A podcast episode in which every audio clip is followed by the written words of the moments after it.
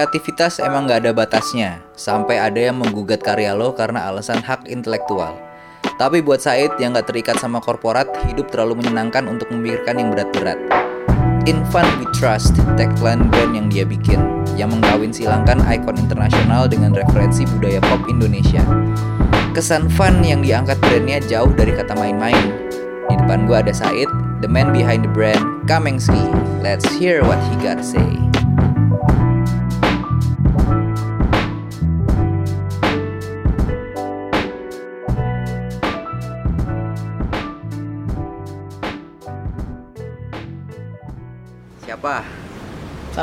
Said. Jualan belangkon. tol Said eh Kamengski. Gue Iya. gue inget waktu itu pertama kali gue kontak lu itu eh Susi Susanti bukan sih? iya eh apa bang not diet ya Oh, bang Diet. not diet kayaknya kalau gue nggak salah ingat Diet. Pangnut Diet duluan apa Susi, Susi Susanti sih? ya deket lah waktunya itu Kalau Pangnut Diet bukannya yang bikin istri lo ya? iya Iya. dulu Pak. Sebelum sebelum belum kenal malah itu Oh, belum kenal. belum ketemu kayaknya Eh, kalau kita ngomongin Kamengski kita mundur berapa tahun? Kamengsi itu file pertamanya November 2008 Hmm. berarti udah tahun sekarang 2019 udah tahun ke 11 Wow, 11. Gimana tuh eh, lu konsepin awalnya Kamengski? sebenarnya konsepnya sih ya dulu kan masih kuliah ya gue ya Hmm. ya gue mikirnya Kuliah apa? Desain produk bukan? bukan desain grafis Oh, desain DKV grafis. Oh. cuman eh, pas gue kuliah ada khususan ilustrasi gitu jadi karena gue dari dari apa dari kecil tuh emang gambar gitu senengnya gambar ya udah akhirnya gue pilih jurusan desain Hmm. terus kebetulan ada dipecah lagi ada ilustrasi gue lulusnya di ilustrasi Hmm. gue kuliah di IKJ Mhm. ya udah karena gue waktu itu kuliah kan gue pikir ada wadah gitu ya ada wadah tempat gue gue nuangin apa yang gue mau gitu maksudnya Hmm. ya gue gambar apa terus gue kembangin jadi apa nah gue mau ada wadahnya nah, dari situlah gue bikin ya udah kita namain aja nih Hmm. projectnya Kamengsi gitu Kamengski itu nama ini lo apa? eh, nama seni lo apa Eh, apa ya just project aja gitu? ya ya, nama awalnya ya bisa dibilang ya nama project nama brand ya gue nggak tahu sih dulu bentuknya apa pokoknya gue bukan nama Kamengsi ya bukan tapi lu Said gitu tapi lu bukan bukan karena lo dipanggil Kamengski kan? bukan malah gue dipanggil Kamengsi kadang-kadang justru gara-gara gue yang ngurus akun itu dari awal sampai Oh. sekarang gitu Soalnya dulu dulu kan gue juga eh gue kenal sama Ameng ya.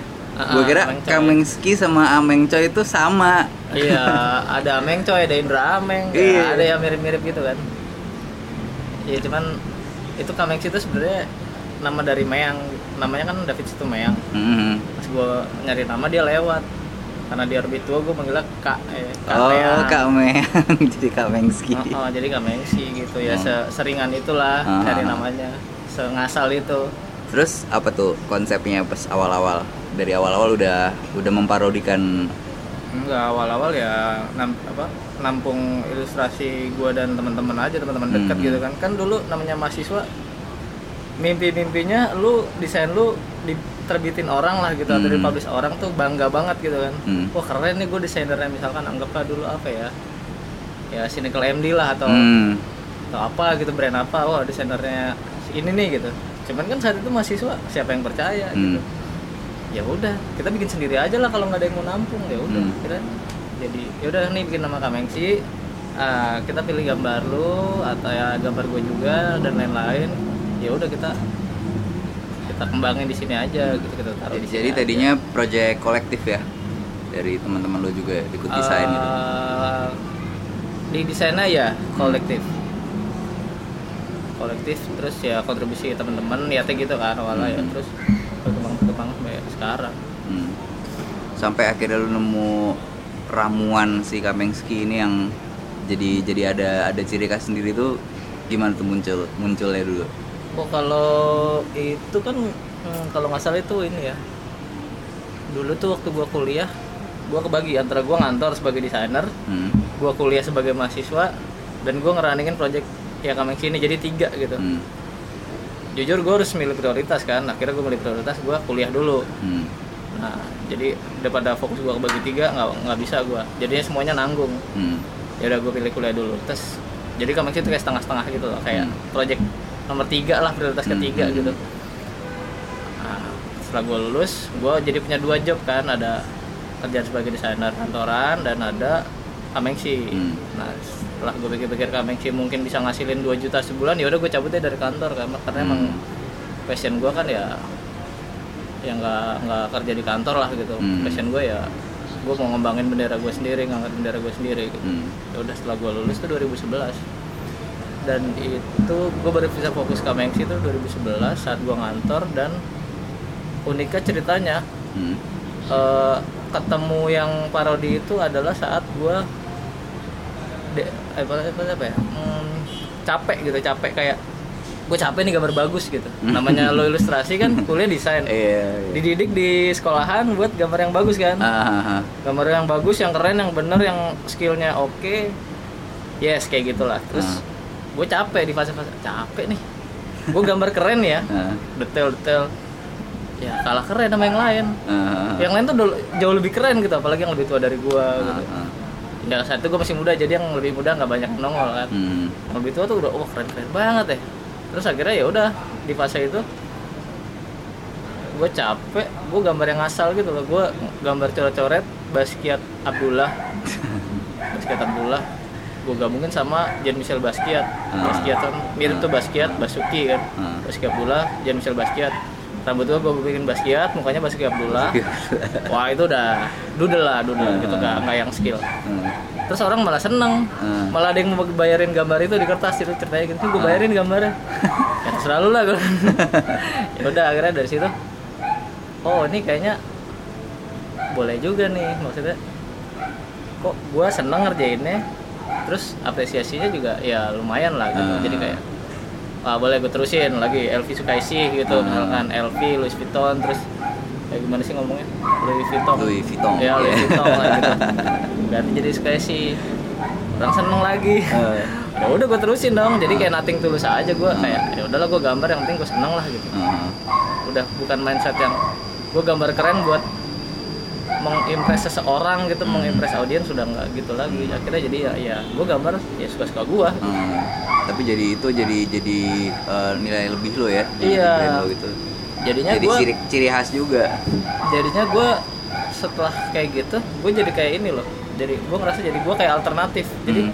saat orang-orang bergerak dengan pola yang sama kayak ya udah kita semua bikin yang keren gitu kalau gue Hmm. nggak ya udah gue bikin yang bercandaan aja Yang bercandaan. gue iya jadi kan kayak ya ka- kalau ada pasar gitu Hmm. ini yang keren yang bikin yang keren-kerenan nih udah banyak gitu yang Hmm. udah serius-serius keren-kerenan banyak nah Hmm. seseorang pas atau pasar gitu butuh alternatif ya yang Butuh bercandaan hmm. iya kan Betul, betul, betul. Terus pas pertama kali gua dapat produk dari lu juga kan lu lu ngemasnya oke juga gitu lu Oh iya, pakai Tupperware box. pakai Tupperware Nah, box itu gitu. masih sampai sekarang Ya, sampai sekarang ya. Masih. Ya, makanya gua kira lo orang orang produk kata ya di kafe masih enggak produk gua gua tuh gua tuh kalau kalau bikin produk gitu ya karena gue seneng bikinnya ngedesainnya jadi gue kemasannya juga mau aneh nih gitu. Hmm. ya biasalah dulu sekolah desain lihat buku-buku kan. Iya, Terus- referensinya terus, banyak yoi, pasti. lihat buku-buku desain. Wah ini unik nih keren nih. Ya Ah. udah gue praktekin. Tapi yang pakai ada di sekeliling gue gitu gue nggak mau yang pokoknya gue desain ini gambarnya gini packagingnya mesti begini. Hmm. nggak gitu gue gue pakai yang ada aja. Jadi misalkan gue tiba-tiba jalan ke pasar senen gitu. Hmm. gue liat ih lucu nih. Tupperware box. Gue buat kaos deh. Hmm. terus gue labelin. Jadi Iya, kayak seakan-akan seakan-akan orang beli makanan Ah. gitu. Terus gue kasih label halal gitu-gitu. Jadi kayak terus eh, kata-katanya juga fresh cotton with delicious ink gitu misalkan Hmm. kayak gitu. jadi, Hmm. jadi kayak orang belinya kayak beli makanan gitu. Hmm. jadi ya ya kayak nuker apa sih nuker nilainya gitu yang seharusnya padahal kaos tapi kayak makanan Iya, iya, gitu. iya. kayak gitu Terus dari awal eh, to- ada tokonya tuh yang di pasar Minggu di itu Lenteng Agung Lenteng Agung, iya ah. 2013 2013 Heeh. sampai sekarang masih ada. enggak itu cuma setahun Oh setahun. Heeh, karena ya itu cuman kayak pengen-pengenan aja pengen punya Hmm. toko Tapi menurut lu efektif nggak sih punya toko? Apa apa sekarang udah bisa online aja? saat itu enggak Saat itu nggak ya? Makanya gue kelarin setahun Hmm. kalau sekarang orang ke toko tuh eh, nggak mau nunggu satu Hmm. terus dia pasti yang utama pengen megang fisik gitu pengen Ya, megang fisik. ya. Ah, handfeel mau mau ngerasain ini loh sensasi raba dan pegang oh s- iya iya iya kalau orang ke toko tuh mau megang Hmm. ya pakai fittingnya ah, macam. kayak gitu ya cuman setelah itu ya pasti mereka beli online karena kan harus effort gitu kan Mhm. lu ke toko harus naik motor gitu bensin ya kalau Hmm. deket kalau jauh kan effortnya lumayan jadi ya perilaku orang tahun 2019 ini juga udah berubah gitu ketimbang 2007 ya Mhm. saat gue mulai kamengsi gitu kan eh yang ada pola pikir yang ada kan kalau lu mau tambah duit banyak toko lu harus banyak gitu Hmm. ya lihatlah oval gitu gitu, tiba-tiba iya, bisa iya, di iya. mana-mana gitu. Ah. Cuman sekarang mungkin bisa di bisa digeser ya pola pikirnya. Jadi kalau lu mau nambah duit banyak ya gudang lu harus gede. Hmm, udah Gitu. gede. Sama adminnya lebih banyak. Ya lebih banyak. Cuman sekarang kan ada e-commerce. Iya berarti. Jadi nggak usah ada admin malah. Di mana-mana. Mm-mm. Terus pertama kali kolaborasi besar lo? Nggak ada kolaborasi besar sih gua anggapnya semua sama sih. Hmm. Eh, ya yang skalanya lumayan lah. Ya sekarang lu lagi jalan sama Good Step kan? Ya good Bikin step, Swallow. swallow, ha. Hmm. terus ya. Ya gue salah satu KOL ya. Oh gitu. oh berarti. Disuruh milih yang ini apa yang ini? Oh. Gue bilang yang ini. si Said nih.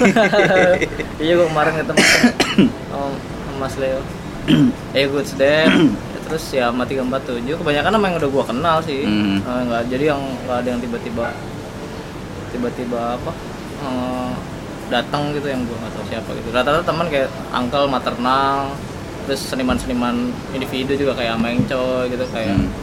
eh, si siapa siapa gitu banyak lah kalau bisa di track di jejak digitalnya kan ada di Instagram waktu itu ya gitu jadi kayak sebenarnya kolaborasi itu ya emang dari awal konsepnya gitu sih Hmm. jadi nggak nggak ada yang besar wah banget gitu nggak ada Hmm. semua sama Kalau kita ngomongin Kamengski ya.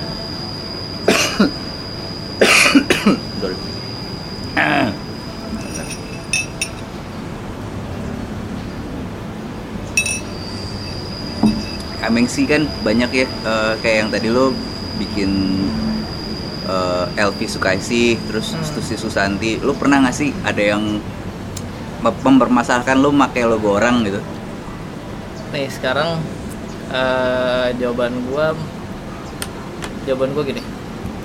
Eh, pola parodi itu kan desain-desain yang gue terapkan itu kan metodenya adalah eh, mungkin mirip kayak kolase kali ya jadi kayak Mhm. potong tempel Hmm. potong tempel gitu kan jadi kayak apa menghadirkan dua image yang berbeda digabungin jadi suatu makna yang baru gitu yang baru. karena dari dua hal itu gua udah nggak gua ambil plek-plekan cuman ya gua ambil sebagian gitu Hmm. jadi sama kayak orang bikin karya kolase gitu dia ngambil badannya siapa palanya siapa kayak gitu Hmm.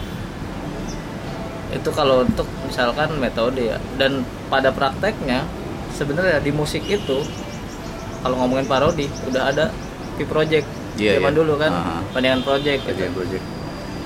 di clothing yang paling mendekati itu yang gue ingat adalah Dagadu Hmm. Dagadu dari Jogja gitu Iya, kan sering plesetan-plesetan dari yang iya pelesetan dari logo gitu. ha, ha, kayak gitu gitu berarti ya yang gue hadirkan gue juga nggak bilang itu hal baru gitu cuman Hmm. periode yang berbeda gitu dengan budaya yang dengan nama-nama yang gue angkat udah nama-nama yang berbeda gitu orang-orangnya gitu. Ya misalkan gue ngerespon Saprim apa ya Dagadu dulu respon Iya, Saprim gitu ah. misalkan kan enggak gitu. Jadi ya ya menurut gue sih ya gue udah menggagas sesuatu yang baru ya Hmm. menurut gue ya dengan menggabungkan dua kebudayaan populer yang yang seringnya adalah budaya populer dari luar gue gabungin sama budaya populer dari lokal. Hmm.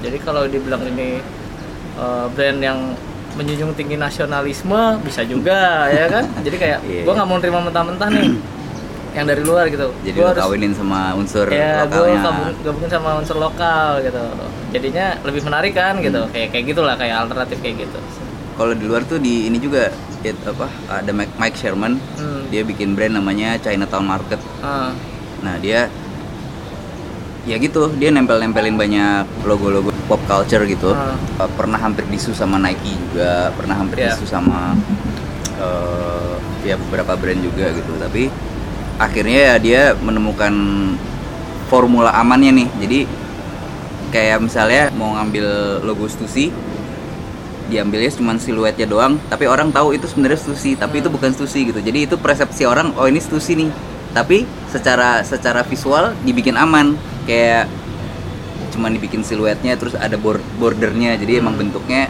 cuman kita beranggapan itu stusi tapi bukan. Kalau yang dilakuin Max- Mike Mike Sherman gitu karena dia udah sering banget dikejar sama yang kayak ginian. Nah eh, tapi berarti eh, yang lo yang lo kolasein lebih banyaknya eh, ini ya brand internasional ya? Enggak juga.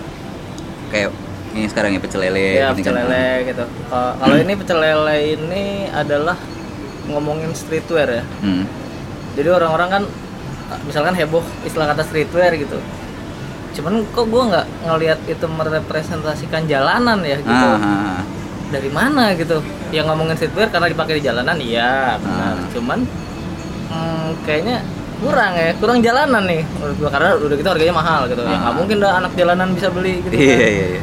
Ya gue ngamatin yang dari sekitar gue kayak pecel lele ini kan grafisnya menarik banget ya Iya dia punya punya ciri Ah. khas juga gitu. iya di mana setiap orang ya, siapa pun yang jualan pecel lele gambarnya sama Ah. teks fontnya mirip Ah. tanpa adanya perjanjian tertulis lah atau kita ngomongin rembuk ini rapat Ah. fontnya harus begini ya semua enggak ya udah itu benar-benar inisiatif gitu Ah. wah ini keren nih gue ya udah akhirnya gue aplikasiin ke media-media yang lain di luar spanduk ya ngomongin nasionalisme lagi. Hmm.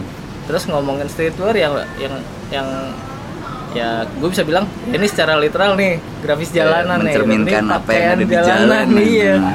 ya secara literal nih yang dari jalanan gitu. Ya kayak gini gitu. Jalan Indonesia lu kalau ke Taiwan atau ke mana ke Bangkok Beda lagi ya beda lagi gitu. Ya ini streetwear Indonesia gitu ya. Berarti gue bisa bilang gitu padahal cuma dari mengamati sesuatu yang simple gitu kan Ah. yang kita tiap hari lihat gitu cuman apa ya orang kepikiran kan belum tentu Iya. Kalau yang eh, apa sih ada ada lagi kan yang kerupuk ya? Lu bikin bukan bukan box kerupuk? box kerupuk sendal belum dirilis Oh belum. belum Itu berarti next next, project lo. ya Hmm. next. kita sama good step Hmm. Terus lo ngerespon eh, pasar yang ada sekarang gimana nih? Kayak semua orang kan itu kan berlomba-lomba pengen eh, terlihat seperti streetwear yang di sana, sedangkan lo tadi kan lo lo menghadirkan ini yang lebih mencerminkan yang di sekitar gua. iya karena ya balik lagi ya Kamens itu kan hadir sebagai alternatif ya. Hmm. jadi balik lagi kalau ngomongin gambar satuan yang gue bikin ya itu mirip. Jadi kayak ya orang-orang bikin yang serius-serius yang berusaha untuk tampil keren kiblatan di luar. Ya gue enggak gue ya gue hadir sebagai alternatif mereka gitu. Hmm. gue nggak berusaha seperti mereka ya gue menghadirkan yang lain gitu. Kayak "Ya udah ah, itu yang keren-kerenan lu aja gitu. Ya gue apa adanya aja lah gitu. Kayak gitu loh. Jadi kayak ya orang kan capek juga misalkan gue pakai ini tiap maksudnya pakai misalkan pakai apa ya? Ya pakai contohnya ambil Supreme lah gitu. Eh, ya mungkin kan orang bosan orang bisa ketemu Supreme di jalan gitu. Ah, berapa kali. Ya udah nggak nggak kaget dan kalau ngomongin gagasan Supreme gagasannya ya udah cuman teks gitu doang kan Hmm. di box gitu cuman kalau Kameng sih kuatnya kan di konten di konten. per grafisnya jadi tiap grafis itu kan punya cerita Hmm. gitu jadi gue nggak jarang banget bikin Kameng sih teks doang gitu Hmm. ya gue ngomongin eh berarti eh gue ngomongin ya gue bikin Kamengsi ya kok kekuatannya yang utama ya itu konten gitu Hmm. bukan brand gitu bukan Kamengsi ya tapi kontennya Hmm. yang Kamengsi buat gitu bukan Kamengsinya kan Hmm. kayak gitu Eh, poin plusnya mungkin salah satunya ini ya kayak banyak tuh yang gue bikin tuh dibajak tuh banyak Hmm. tapi cuman grafisnya bukan Kamengsinya Oh ya?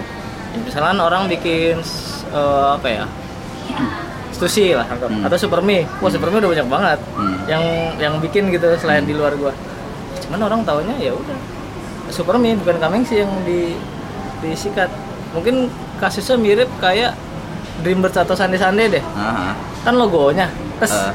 kalau gua nggak akan orang bikin Kamengsi gitu kayaknya nggak laku deh Tapi pasti ada nih yang yang bakal bajak nih pecel lele gini. ada kan. kalau itu banyak gitu jadi beberapa gambar gitu kadang gue lihat oh ada di nggak udahlah Sekarang kita ngomongin bisnisnya. Eh, di Kamengsi sendiri ada berapa orang nih timnya kayak ada ada yang ngurusin marketing doang apa Sejauh semuanya lo ini- handle sem- enggak, semuanya Sejauh ini timnya ada enam orang. enam orang heeh. Sejauh maksimal ya 10 lah. Maksimal ya kalau Hmm. lagi rame event gitu. Cuman tim inti paling berenam. itu apa aja tuh tim intinya Ada yang moto. Sebenarnya versatil sih, enggak Hmm. yang satu orang nih gue moto moto aja enggak enggak gitu. Hmm. Jadi kayak kalau pemain bola gitu ya dia bisa jadi back, bisa jadi gelandang, bisa jadi striker gitu ya. Versatil aja mau fleksibel gitu karena tim kecil kan bukan bukan tim yang kaku gitu jadi ya saling mengisi aja sih gue berharapnya gitu di tim itu. tapi eh, kalau ngomongin bagannya lo sebagai owner yang lainnya di hire bukan partnership berarti ya? Iya. Heeh. Karena ya iya iya itu tepat sih. Dan setelah lo menikah nih, ada perbedaan nggak? Apakah istri lo juga terlibat sama apa yang lo kerjain di. Kamenski? Iya. Ah, Karena dia kan basicnya ilustrator kan. ah. Jadi kalau nambah dia jadi ada dua orang yang bisa gambar nih Iya, iya, selain iya. gua. ya udahlah nggak apa-apa lah. Gitu. Ya udahlah lu jadi ya bisa bantu-bantuin gua gambar gitu. Walaupun pada akhirnya kita butuh satu orang lagi buat ngedesain gitu. Hmm, Kalau jadi kalau desain eh, ada orang ada orang lagi yang bisa lo suruh juga apa semuanya dari lo? Ah, desain ada yang bisa ini bisa dimintain bantuan lah. Hmm. Jadi ada satu orang desainer di luar gue dan istri gue. Jadi Hmm. total sebenarnya ada tiga orang lah yang bisa gambar Hmm. di tim. Gitu. Kalau yang ngurusin ada nggak eh, yang spesialis ngurusin reseller naruh di mana aja? Apa lo eh, udah cukup dengan e-commerce sama Hmm, Online lo? Ya itu kalau ngomongin eh, apa kalau yang ngurus reseller ya yang ngurusin gudang sama. Oh gitu. Mm-mm. Jadi bisa jobnya bisa ya bisa campur aduk gitu. Hmm. Karena timnya kecil gitu kan. Hmm. Habis karena gua kan reseller nggak banyak. Kalau hire satu orang buat ngurusin reseller doang sebulan satu, ngapain juga sisanya? Se- Sehari kerja yang 29 harinya nggak apa-ngapain. Iya, iya. ya buat apa juga? Kalau menelisik media sosial Kamengski, mungkin kita jadi tahu cara untuk memperkuat identitas brand nggak harus melulu produk yang disajikan. Kita juga bisa menarik perhatian audiens dengan konten lainnya. Misalnya, Kamengski memperlihatkan desain-desain menarik dan jenaka lain, tapi masih memiliki benang merah dengan produk miliknya. Dengan begitu, audiens benar-benar tahu hal apa saja yang berhubungan dengan brand tersebut. Dan ini bisa menjadi cara supaya masyarakat semakin mengenal, mengetahui pesan yang ingin disampaikan dan juga apa yang membedakan satu brand dengan brand lainnya. Nah, eh, tadi lo sempat sebut lo collab sama Good Step sama Swallow. Hmm. Itu lo bisa ceritain nggak prosesnya bisa bisa sama Swallow? Itu diajak itu tuh Mas Leo awalnya. Heeh. ayo ayo datang ketemuan meeting bikin kolaborasi gitu kan mereka lagi collab sama brand-brand gitu Mhm. ya gue udah mengamati sih dari dia, dia di Stara generasi 90-an gitu oh iya ya gue paham ya udah gue datang gue ngobrol ya sekarang sih lagi dikerjain Hmm. gitu Seru sih maksudnya kolaborasi sendal jepit tapi nggak main-main langsung sama expertnya sendal jepit gitu Swallow. iya maksudnya ya langsung nama besar lah Iya iya iya. iya. Itu jarang-jarang terjadi sih di Kamengsi karena Kamengsi itu kan sebenarnya eh, brand atau, pro- atau project atau brand yang dibuat sebagai apa ya kalau di musik tuh ini anak pang yang Anak pang. nggak nggak sama sistem tuh nggak terikat gitu Hmm, hmm, hmm. jadi sebenarnya harusnya Kamengsi nggak berurusan sama korporat gede gitu Hmm. sebenarnya ya Oke. karena ya itu ide-idenya pada dasarnya nggak akan diterima sama Hmm. nama-nama mapan atau korporat yang dengan aturan yang baku gitu karena Kamengsi kan harus luas gitu kan Hmm. harus lebih nggak ada aturan lagi gitu kan harus harus bandel gitu Hmm. ya selayaknya musik punk gitu kan misalkan Hmm. makanya pas tiba-tiba ada swallow ah, kayak oh ya udah berarti emang perlahan udah mulai masuk ke situ gue Ah. lihat kayak ya, ya, ya, ya udah bagian dari proses lah ada ini kalau misalnya ya tiba-tiba lo disuruh ngerjain projectnya McD atau Ah. Bank Mandiri gitu gitu. ya itu dipikir-pikir balik karena yang tadinya project yang nggak diterima sama sesuatu yang mapan tiba-tiba jadi Jadi diterima diterima. gitu tiba-tiba jadi dimaklumi gitu ah iyalah nggak apa-apa lah kalau kami gitu kan ya ya nggak apa-apa juga sih Hmm. Malah seru ya. ya jadinya. bagian dari perkembangan lah Hmm. Apa imbalan dari apa ya konsistensi Konsistensi. Kita udah berapa tahun ke 11 Oh, tahun 11. Kalau lo di dapat pertanyaan dari orang, gue pengen bikin brand, gue pengen seperti Kamengski. Respon lo gimana? ngapain kan udah ada iya, maksudnya kayak eh, ap- apa nasihat yang lo akan keluarin selain selain apain ya? untuk untuk bisa sukses dengan cara lo gitu. iya kayak gini dulu dulu gue di seni rupa gue kan street eh, seneng gambar-gambar di jalan dulu ya Nah, gue gambar di jalan nempel di jalan bikin stensil mural gitu gue dulu ngefans banget sama Bengsi Hmm. Bengsi Sepat Ferry itu OB siapa berbeda? ah. gue ngobrol sama Jablay Bujangan Urban Hmm. Lu ngapain bikin kayak dia lagi? Dia udah duluan. Terus dia udah lebih gede. Kalau lu bikin kayak dia ya lu kalah sama dia gitu. Hmm. udah. Itu kan gue diemin tuh omongan gitu. Udah bodo amat. Yang penting gue seneng bikinnya. Terus tiba-tiba ada proyek Kamengsi yang ternyata omongan itu tuh berhasil gue bantah gitu ya. Jadi gue bener gue kan dulu ngefans anggaplah sama 347 gitu. Hmm. sama Uncle gitu gue ngefans misalkan. Ya gue mau bikin kayak 347 ya udah kerenan mereka jauh gitu Hmm. ya udah gue cari jalan lain kayak gitu Hmm. akhirnya ya ya gue jadi cari jadi formula pinter- baru Jadi pinter-pinter ngerespon apa yang udah ada dan bikin versi lo dari si yang udah ada itu. Eh, Bisa dibilang seperti itu juga nggak? Iya bisa juga. Intinya sih apa ya?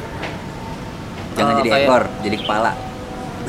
Enggak juga. Enggak, enggak. Jadi intinya sih sebenarnya pertama lu kerjain dulu apa yang nyaman buat Oke, gua. cari kenyamanan dulu. Iya. Ah. Pertama cari yang nyaman. Terus ya udah sisanya lu mengamati aja. Hmm, Mengamati apa yang ada sekeliling lu gitu ya, research sih. research. Eh, karena Kamengsi itu kan apa ya aura itu kan pengamatan gitu jadi apa yang Hmm. terjadi fenomena sosial yang terjadi gitu di Hmm. mana-mana orang dulu gue bikin project ini belum anggaplah belum kenal Saprim terus tiba-tiba sekarang jadi orang pakai Saprim gitu Hmm. akhirnya gue ngerespon Supermi kayak kayak gitu maksudnya ngelihat apa yang terjadi hari ini aja gitu itu outputnya baru bisa macam-macam ya terserah terserah kalian lah yang mau bikin gitu ya jadi nggak nggak boleh cuek gitu Nggak boleh cuek. Ah, ah. ya harus peka juga kan Ada rencana apa lagi? Lima tahun ke depan? Eh, apa namanya? Mimpi lo lima tahun ke depan yang belum yang belum kalau gua sih ya sebenarnya ngarepnya lima tahun ke depan gue cuman berharap Kamex itu tetap jalan. Hmm, Kamex itu tetap ada gitu. Maksudnya nating tulus kayak gue mulai ini ya gue nggak berharap apa-apa gitu. Hmm, ya yang penting tetap ada gitu ya sebagai alternatif. Terus ya untuk mengakomodir, mengakomodir untuk mewadahi ide-ide yang sulit diwujudkan di tempat lain kayak gitu-gitu. Ya cuman kalau output spesifiknya sih ya mungkin bisa bikin festival gitu hmm, karena kan gue sekarang bikin Kamexi Record kan hmm. rilis album bikin gigs gitu Ya, jadi Oh, udah, ngayal udah jalan Kamengski Record. udah udah 8 album Oh iya. udah udah 8 full album Hmm. 8 gigs gitu berarti Artisnya? artisnya Jadi sekalian di announce. artisnya ada Drang Rangs Hmm. Oh, orang-orang lo juga. iya ada Yellow Sky ada Morfem yang paling gede Morfem lah ya sebenarnya gue bikin Kamexi Record tuh emang buat mewadahi band-band kecil sebenarnya Hmm. bukan yang industri gede gitu ya. Cuman kalau emang ada yang minat nggak apa-apa. Kayak gitu terus gue bikin gigsnya. Jadi udah setahun kan. Jadi kalau setahun 8 album 8 acara berarti kan dua bulan sebulan sekali. Iya, iya, iya. produktif lah ya. Produktif, dua bulan sekali produktif. berarti dua bulan atau sebulan sekali ngeluarin sesuatu gitu. Ah. berarti ya lumayan lah. Ya sejauh ini masih fun sih project. Project rugi lah. Cuman ya gue seneng gitu. Seneng. mau mau gimana Pesan yang pengen lo sampaikan lah yang kayak gue udah bikin ini kok lo nggak ngerti-ngerti sih gitu ada nggak sih? Kayak pesan yang Hmm, lo berpesan seperti ini tapi orang nangkepnya beda gitu. hmm, enggak sih untungnya yang gue bikin orang-orang ngerti gitu Ah, berarti tepat sasaran semuanya ya, Res? Nggak nggak selalu juga. Jadi ada, ada yang nggak ngerti ya udah gitu. Jadi misalkan kan karya nih karya A B C ya gue nggak berharap semua orang ngerti gitu. Hmm. yang ngerti satu cukup maksud gue Hmm. ya ya udahlah gitu. Maksudnya secara secara konteks asal mereka ngerti ya ya gue udah seneng gitu. Jadi gue nggak maksain semua orang harus ngerti gitu. Ya nggak gitu juga. Tahu nggak? Kejutan terbesar gue tuh ketemu sama yang punya Indofood. Oh iya? Oh ya, lu bikin Indomie nggak waktu itu ya? enggak super mie Oh super mie, ha, ha. super mie yang super mie yang supreme itu Ha, ha, di saat gue buat tahun 2014 atau 13 gitu itu nggak banyak yang ngerti ha. baru orang-orang baru baru baru ngerespon itu ya lumayan agak banyak itu ya baru tahun-tahun ke belakang gitu. Susi, Susanti, Sapri itu ya merek-merek itu tuh Hmm. saat gue buat justru nggak nggak terlalu perform cuman sekarang Lu terlalu visioner sih. It. bukan ya gue cuman ngelihat apa yang ada di sekeliling gue kan ada yang deket gue ya itulah cuman ya dulu kan orang-orang kayak ya biasa aja ya mungkin Ah, orang-orang tertentu ya cuman tiba-tiba sekarang kan Iya, ombaknya iya. semakin gede gitu It, it, it, lu ketemu sama ownernya Indofood gimana? dia beli ini super mie Hmm. super mie itu kan produk dia Hmm. super mie dia bilang ke gua wah saya giran pakai supreme yang asli nggak ada yang nanya. Giran Hmm. pakai super mie malah pada nanya yang beli di mana.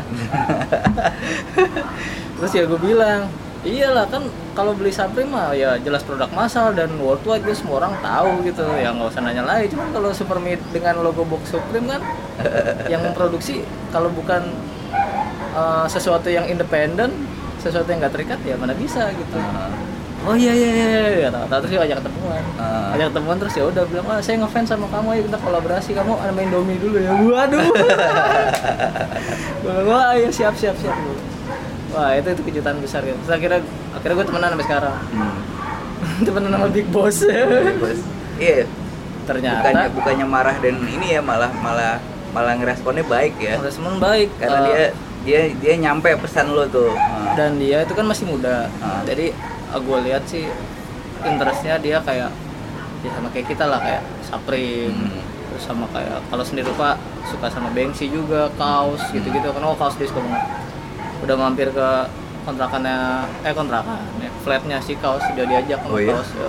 Iya. ayo Kak, kamu ke apartemen saya ke apa tempat tinggal saya lah gitu di New York wah ya udah mau lah wah udah dah Ini udah boss kaos. iya udah wah ya ya udah. Ya udah beda level dari kita kita kan ya itu. Tapi dia orangnya ini sih maksudnya. Pinter memposisikan diri gitu. Jadi saat Hmm. ngobrol sama gue ya dia memposisikan diri ya kayak gue gitu. Hmm. jadi gue ketemu sama dia tuh ngobrol tiga jam. Nggak ada yang ngomongin kerjaan nggak ada yang ngomongin kolaborasi. Ngobrolin film seni gitu gitu Hmm. ya udah kayak ngobrol aja. Ngomongin personal interest aja ya. Iya, heeh. Jadi pas dihubungin sama brand manager Indominya gue bingung. Ini ada omongan apa ya? Ya nggak tahu. Saya mau ngobrol sana kemari nggak ngomongin Janjinya di mana waktu itu? di GI. Oh di GI. Dari Iya. situ eh Ya ini sama Indomie juga lagi gue garap sih. hmm. Cuman ya masih jauh lah. Gue juga gue juga kayak yang ya ini jadi project yang fun aja sekali Hmm. lagi bukan yang harus kelar ski kapan gitu. Ya Hmm. gue maunya ya justru karena fun gitu jadi kayak ya idenya mungkin segar nanti. Hmm. kayak gitu yang nating tulus aja gitu. Jadi nggak ngoyo. Harus gini nggak nggak. Sih kayak gitu. Itu kejutan besar gue tahun lalu kayak maksudnya yang bukan dari dunia gue gitu tiba-tiba Iya iya iya. duduk bareng kayak gini. Gitu kaget juga Siapa yang sangka karyanya yang memparodikan Super Mie jadi logo box Supreme malah direspon baik sama bosnya Indofood, Axton Salim. Mereka akhirnya malah jadi berteman baik dan membuka pintu kerjasama. Dan ternyata produk ke Indofood banyak juga yang dia respon jadi produknya Kamengski, termasuk Bogasari. Tepung segitiga biru yang dibikin jadi logonya Pele Skateboard. Dan apresiasinya juga bagus.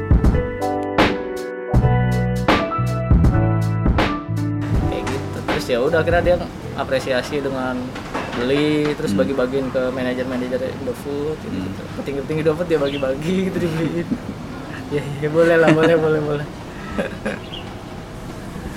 kayak gitu jadi ya untungnya eh, mereka paham konteksnya sih Hmm. itu untungnya terus kayak yang kemarin gua pameran sama yang itu tuh Jakarta Sneaker Day kan Hmm. yang respon fans gitu kan Hmm. Orang fansnya ngelihat ada gue bikin fans of the walls wallsnya kan es krim. Es krim the walls es krim ya. Orang fansnya ketawa-tawa aja nih Kamengki ya. Iya ketawa-tawa aja. Jadi ciri khas juga kan iya jadi kayak ya senangnya karena gue mereka akhirnya paham konteksnya lah gitu. Hmm, bukan maksud apa-apa ya. Ya bukan cuman- mainnya. ya bukan sama sekali bukan. Malah kayak tribute, Tribute, kayak ya? penghormatan gitu ya. Lu ya populer itu gitu. dua dua dua sesuatu yang berbeda lo jadiin satu yang iya sesuatu yang baru gitu satu kan, yang baru ha. ya udah gitu jadi kayak yang seger aja gitu sesuatu yang nggak korporat gede susah ngelakuin itu gitu Hmm, karena lo nggak terikat jadi lo bisa Mm-mm. gitu jadi kayak ya pemakluman gitu kan kayak ya, tribute ya, penghormatan lah jadinya Hmm. ya udah kalau lu gue respon ya lu populer udah gitu aja dan ini kan coming skin eh, bisa dibilang project idealis lo ya Hmm. dan selain coming steel lo nggak ada nggak ada kerjaan yang 9 to 5 atau kerjaan yang lebih profesional daripada iya. ngejalanin si, si brand ini. Jadi Ah. bisa ya. Jadi eh, ini kan ada pertanyaan bisa nggak sih lo hidup dari idealisme lo sendiri? Bisa. Bisa, bisa, ya? banget dan yang gue lakuin semuanya akhirnya jadi pakai nama Kamengsi misalnya kayak gue bikin record label ya jadi udah Kamengsi record. Record. terus gue bikin kedai kopi jadi Kamengsi Coffee gitu. oh ada ke kedai kopi juga ada, ada jadi halaman kantor gue sulap jadi kedai Oh. kopi kecil-kecilan lah. Ya sekarang sih masih embrio. Hmm, ya cuman ya nothing Bisa tulus. jadi, hmm. sekali lagi nothing tulus. Ya maksudnya benerin sambil jalan aja. Hmm, sambil belajar juga. Iya yang penting ada dulu. Ya salahnya ya ya ya lakuin Belajar. aja sambil jalan gitu. Sambil belajar jadi nggak nunggu keren dulu baru bikin gitu ya udah bikin aja. Hmm. dulu kalau tiba-tiba lo ada ide bikin produk baru lagi yang beda dari Kamengti menurut lo juga nggak? Belum ada belum ada sampai segitu? Belum belum. Berarti lo masih belum puas juga ya main-mainin si Kamengsi sampai Iya. full potensial ya? Masih luas banget. Gitu misalkan tiba-tiba nanti gue bikin restoran jadi Kameng's Kitchen. Kamengsi Kitchen Iya. kan? bisa. Kamengsi Kitchen. Bisa aja jadi ya luas sih jadi Ah, ya abis mau bikin nama baru juga kayaknya ya mulai dari no lagi. nol lagi gitu. Jadi terus bikin akun lagi. Itu sih Hmm. sebenarnya kekhawatirannya bikin akun lagi email lah ribet udah udahlah satu aja cukup. Dan eh, sampai lo sekarang ini ada nggak sih yang nawarin pengen invest gitu? Hmm, dan pengen pengen jadi partner lo gitu? Ada cuman kayaknya nggak ada yang serius ya. Cuman ya sekedar omongan-omongan aja. omongan-omongan ringan gitu yang ya gue tanggapin atas senyum-senyum aja Hmm. tawa-tawa aja karena emang bukan apa ya bukan project yang bisnis oriented gitu loh hmm. beda kan misalkan kalau orang gitu ya anggaplah lu sande-sande gitu kan ya emang eh, bisnis gitu kalau gua kan ya meng- meng- mewujudkan gagasan gitu ide Hmm. dasarnya tuh mewujudkan gagasan jadi bisnisnya tuh ngikutin gitu loh Hmm. jadi ini di, di- ini jadi bisnis karena untuk mewujudkan gagasan lain ya gue butuh duit gitu Hmm. butuh duitnya dia dengan cara apa ya dengan cara bikin yang Bikin. gue buat sebelumnya jadi punya nilai bisnis gitu Hmm. jadi gue bisa bikin yang lain Hmm. kayak gitu jadi ya sejauh ini sih ngalir aja gue semua semuanya Ya, karena selesai. menurut gue apa ya mungkin naif kali ya jadi menurut gue bisnis itu modal utamanya bukan duit Hmm. menurut gue ya tapi mental Hmm. mental bener mental utamanya tuh mental jadi banyak kasusnya orang dengan duit yang gede mulai bisnis gagal Hmm. banyak gitu. karena temen kalau gue karena bisnisnya orientasinya bukan ya seperti bisnis kebanyakan ya jadinya ngalir aja Hmm. jadi menurut gue bis duit gede nggak terlalu perlu gitu Hmm. Nggak perlu modal yang ah nggak perlu modal yang besar kayak gitu. besar. Ah, ya kayak asal lo bisa puterin apa yang lo punya dan lo bisa manage dengan baik Hmm, itu hasilnya bisa lebih efektif ya. Daripada lo buang duit di depan terus belum tentu lo bisa balikin itu uang atau uangnya udah balik tapi lo nggak bisa nggak bisa kelola jadi produk baru lagi. Ah, bener akhirnya berhenti. Ya kayak contohnya Kameng Coffee gitu kan. Hmm. ya kan kecil banget gitu. Gue nggak berharap ini profit gede. Hmm. ya gue berharap itu ada. Hmm. itu ada aja dulu. Hmm. itu nggak berharap untung aja ya ada aja. Hmm. ya kalau itu gede ya itu bonus lah. Bonus bonus. Ah. tiba-tiba berhasil gitu ya, ya bonus gitu. Bonus atas apa yang lo lakuin bertahun-tahun gitu ya sama kayak Kameng sih awalnya. Kayak gitu jadi spiritnya dari situ. Itu mungkin yang ngebedain gue dengan yang lain mungkin ya. Hmm. mungkin. Mindset mindset kayak gitu gitu sih kalau respon netizen yang paling nyangkut yang paling berkesan. Ah mereka apa? Numpang-numpang ketawa doang. Numpang-numpang ketawa yang lebih duit beli lah ya kan? Ya beli ya gue terima kasih gitu. ya bonus lah. Sekali lagi tuh apresiasi itu bonus gitu. cuman ya sebenarnya gue bikin mereka ketawa aja udah seneng gitu. Karena ya emang koneksi dibuat bagusnya gitu ya kalau tiba-tiba diapresiasi ya terima kasih banget gitu apalagi banyak terima kasih banyak terima kasih banyak ya udah kalau gitu it thank you banget uh, waktunya Uh, semoga Kamengskinya makin banyak nih anak-anaknya. Wah, iya. Ada kopi, ada kitchen, Ya, jadi ada seru sih. mobil. Kamengski Iya mobil. pengen tuh kayak oval gitu kan Bikin motor zaman Iya. dulu Wah itu keren banget deh Oh kalau hobi, lo uh, ada ada hobi gak sih? Hobi gue bikin main, eh, mainan sebenarnya hobi gue Kayak Gundam gitu. Ya kayak Gundam gitu. Kayak action figure gitu. Pengen sih bikin motor gitu, mobil. Keren banget ya. Keren. Kayak oval zaman dulu tuh. Uh. Wah itu emang Oval Uncle tuh zaman dulu tuh kan Udah inovatif Iya, ya menurut gue ya. Jadi kayak role model kayak lu mau bikin yang keren ya udah kayak mereka yang lokal gitu ya. Hmm. yang lokal yang dekat dengan lu gitu. Ya ya ini mereka gitu terus tiba-tiba bisa kolaborasi bareng sama uncle gitu kan Hmm. kayak Itu pertamanya gimana tuh omongannya? Om Dendi ayo ah ketemuan biasa ringan Ah, ringan. ayo ketemuan ngobrol kita bikin sesuatu oh siap Om Lili juga pergerakannya lagi ini lagi nih sekarang. iya lagi Lagi ada passion lagi buat ngerjain si uncle-nya. iya kira dia mau turun tangan lagi ya setelah Hmm. sekian lama Soalnya kan sempet keenakan ngurusin properti. ya jadi lebih seger sih Hmm. Itu ya yang yang eh menurut lo yang sampai sekarang masih established dan karakternya kuat ya selain kita ngomongin Om Dendi tadi ya hmm. dari era sini kalau MD udah nggak ada lah ya udah nggak ada iya terus airplane airplane nggak ada juga hmm.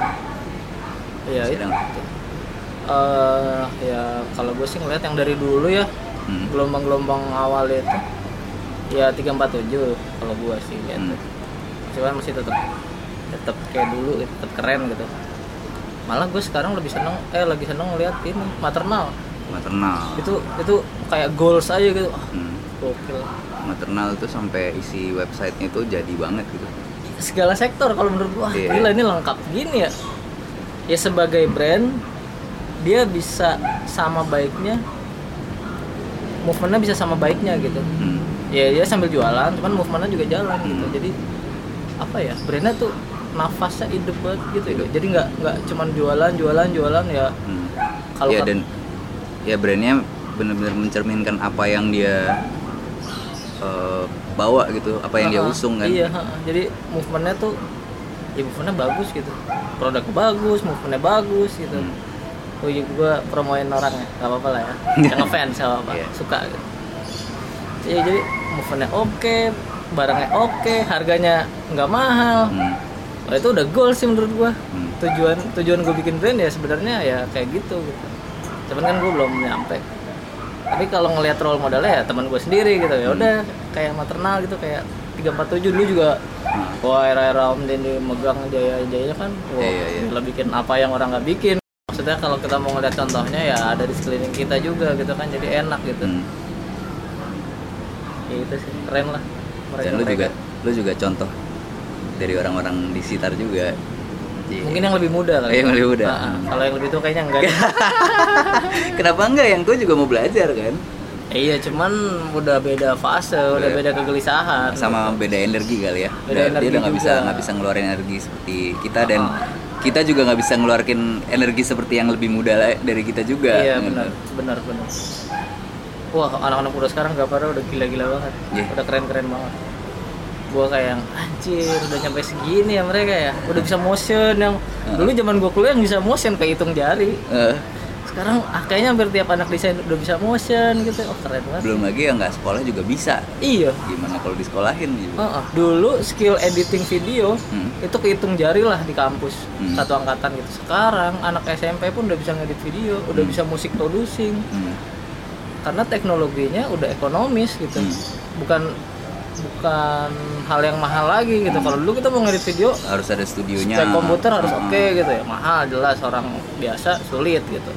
dari segi finansial nggak bisa udah gitu harus ngulik gitu Hmm. minat juga sulit cuman sekarang kayaknya lebih gampang gitu Hmm. karena ya gitu yang udah beda era sih kan banyak faktor yang bisa bikin mereka lebih jago gitu ya jadi kita belajar sama mereka juga gitu. Iya.